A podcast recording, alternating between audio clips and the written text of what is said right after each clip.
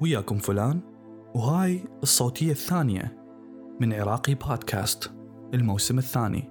للأسف آه، صوتي شوية مختلف لأنه يصير عندي حساسية بهذا الوقت من السنة ما أدري من شنو فأتمنى أنه ما تأثر على تجربة الاستماع. استكمالا للقصة في أول مدينة زرتها بعد ما طلعت من الوطن العربي استأجرت شقة بنفس المجمع مال شقق اللي كانوا الناس اللي استقبلوني ساكنين بيه بعد تقريبا شهر من وصولي أهلي وصلوا وبدينا نستكشف الدنيا ونجهز أمورنا. تواصلنا ويا محامي حتى يقدم لنا على أوراق اللجوء والإقامة وغيرها. وكنا محتاجين ننتظر تسع شهور لحد ما نقدر ناخذ أوراق. مال تصريح العمل. وهذا معناه إنه لازم نصرف من مدخراتنا إحنا أو نلقي مصدر دخل لحد ما نقدر نحصل على تصريح العمل. وأني ما أقدر أوصف شقد أبويا ضحى بكل مدخراته بس حتى نقدر نعيش بهذا المكان ونوصل لهذا المكان. والمشكلة أنه المصاريف كانت كلش عالية مقارنة بكل الدول اللي عشنا بيها. وتخيل كل اللي كنت متدخره بآخر آه، كم سنة تصرفه بتسع شهور. الموضوع كان مو سهل وبالخصوص من ما تكون تعرف مصيرك بهاي البلد. يعني أنت مثل دا تقامر على حياة عائلتك حتى توصل للاستقرار. اللي كانت تفتقده العائلة من أول يوم إن وجدت بيه بهذا العالم سواء بالعراق أو خارج العراق. للأسف الاستقرار صعب تلقيه وإنك تعيش ببلد يطلع من حرب ويدخل بكارثة ويطلع من حفرة ويوقع بحفرة ثانية طبعا الاستقرار راح يكون كلش صعب. وطبعا راح يكون أصعب من تكون ببلد غير بلدك ومعاملتك ما راح تكون معاملة المواطن العادي. لذلك أني أفهم جدا تحركات أهلي بكل الاتجاهات بحثا عن الاستقرار وأقدر تضحياتهم بمقابل إنهم يلقون مستقبل أفضل لأولادهم. بهذاك الوقت ما كنا نعرف وين نروح بالضبط وكان دليلنا الوحيد هو العراقيين اللي التقينا بيهم بهاي المدينة. وللأسف كانوا مو قد هاي المسؤولية. يعني من كنا نحاول نشتري أثاث لبيتنا مثلا سألنا أصدقاء هناك أو الناس اللي عرفناهم هناك من نشتري وأخذونا الأفخم وأغلى مكان ممكن تروح تشتري منه لبيتك. بحيث الشخص اللي أخذنا عليه حتى عمره ما مشتري منه. وللأسف اكتشفت بالمستقبل أنه هم نفسهم يشترون أثاث من أماكن أسعارها أحسن وجودتها زينة. زين لعد ليش آه، وديتني لهذا المكان؟ وتعرف أنه هذا المكان ما مناسب لوضعي الحالي. ويعرف أنه أني ما أشتغل وبعدني هستوني واصل. ويعرف أنه الموضوع مو سهل أنك تعيش بهذا المكان بدون مصدر دخل. وطبعا أحسن شيء أنه ما سمعت لهذا الشخص بعدها واستعملت جوجل ولقيت خيارات أحسن. بهاي الأثناء كنت دا أفكر شلون ممكن أجيب فلوس لحد ما تجيني التصاريح وكان واحد من الحلول اللي اجى ببالي إنه أشتري تحف وأنتيكات وأرجع أبيعها أونلاين على موقع مشهور للبيع والشراء هناك. اشتريت مجموعة من الكاميرات القديمة كلش، لقيتها عند مرية كبيرة بالعمر، والكاميرات كانت كلش حلوة وكانت أكو ناس تحب تقتني هيجي أنواع من الأنتيكات. المهم نزلت واحدة من هاي الكاميرات أونلاين بسعر 700 دولار تقريبا.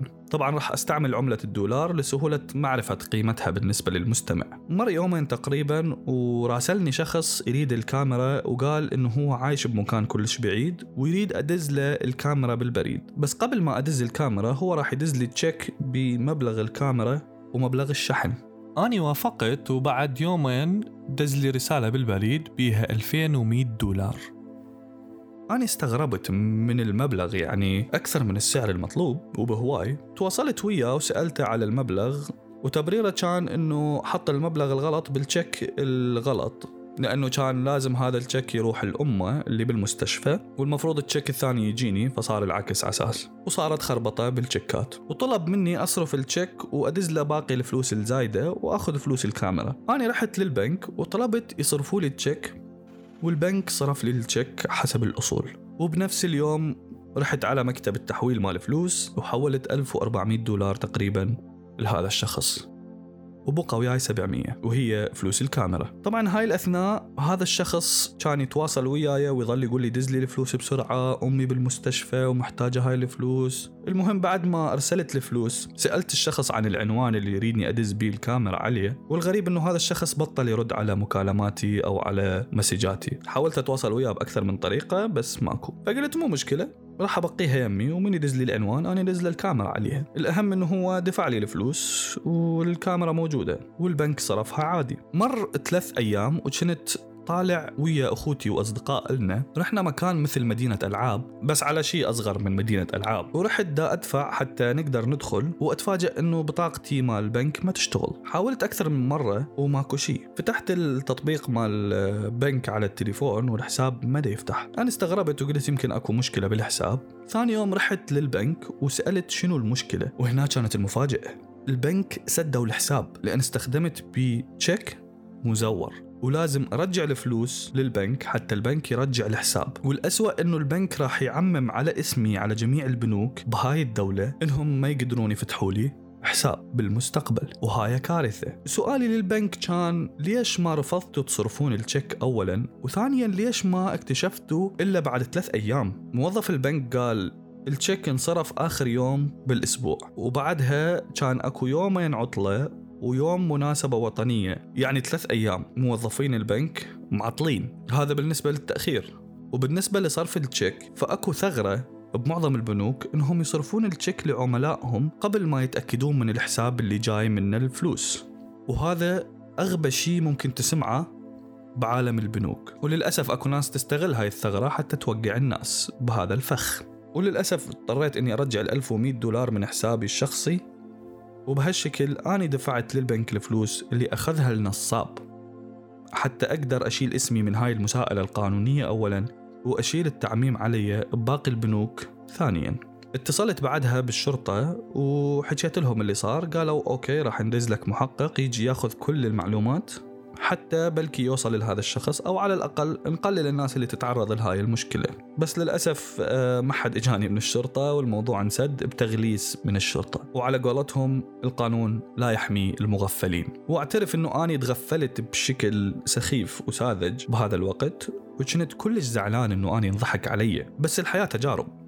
بس للأسف بنفس هذا الوقت سألني ولد عراقي تعرفت عليه إني أساعده يشتري قطعة مال غيار لسيارته لأنه قاعد يصلحها من موقع eBay وقال إنه هو ما عنده بطاقة بنكية وما يعرف يستعمل هاي المواقع مال التسوق الإلكتروني وإنه راح ينطيني هاي الفلوس كاش مباشرة من أطلب القطعة إليه من الموقع. اجى قعد وياي وطلبت له هاي القطعة من الموقع ونداريت عليه وقلت له انطيني الفلوس. كان يقول ها هسه ما شايلها وياي حروح للبيت أجيب لك إياها وأجي. راح واختفى. وكل ما اخابره يقول ما عندي هسه. وللأسف هذا التصرف أنت ما تتوقعه من شخص. أنت كنت تحاول تساعده؟ وأنت حرفيا بأزمة مالية أصلا. وكل ما أشوفه أسئلة على الفلوس لحد ما مرة أبوي عاركه وهو استحى على نفسه بشكل مفاجئ إنه ما توقعت إنه هيك ناس تستحي أصلا على نفسها. وإجا جاب جزء من الفلوس ورفض يدفع الباقي. ما أدري ليش يعني هيك أخذ ضريبة. وأنا تعلمت درس من كل هاي المواقف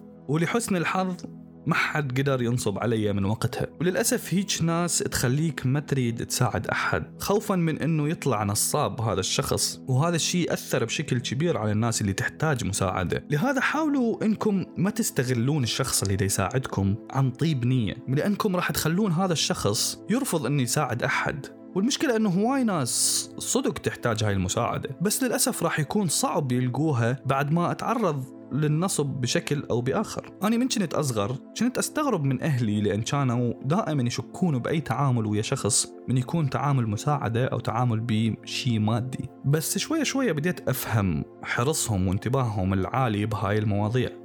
لأن أكيد تعرضوا للنصب بشكل أو بآخر بمرحلة من حياتهم لأن سامعهم قبل يحجون عن عمليات نصب صارت ضدهم برحلات حج مثلا أو بشراء شقة مثلا تطلع آه، ما موجودة أصلا أو انباعت الشقة لأكثر من واحد بنفس الوقت أو بفرصة سفر لغير دولة وبعدين يطلع كله كذب. وكلها وسائل نصب تخليك حذر بالتعامل. للأسف تعاملي كان ساذج مع هذا الشخص العراقي أو الشخص اللي دز لي تشيك لهذا ديروا بالكم من تعاملكم ويا الناس اللي ما تعرفوهم. بنفس الوقت إذا طلبت مساعدة من شخص لا تخليه يندم إنه ساعدك ولا تخليه آخر مرة هذا الشخص يساعد بها أحد بحياته.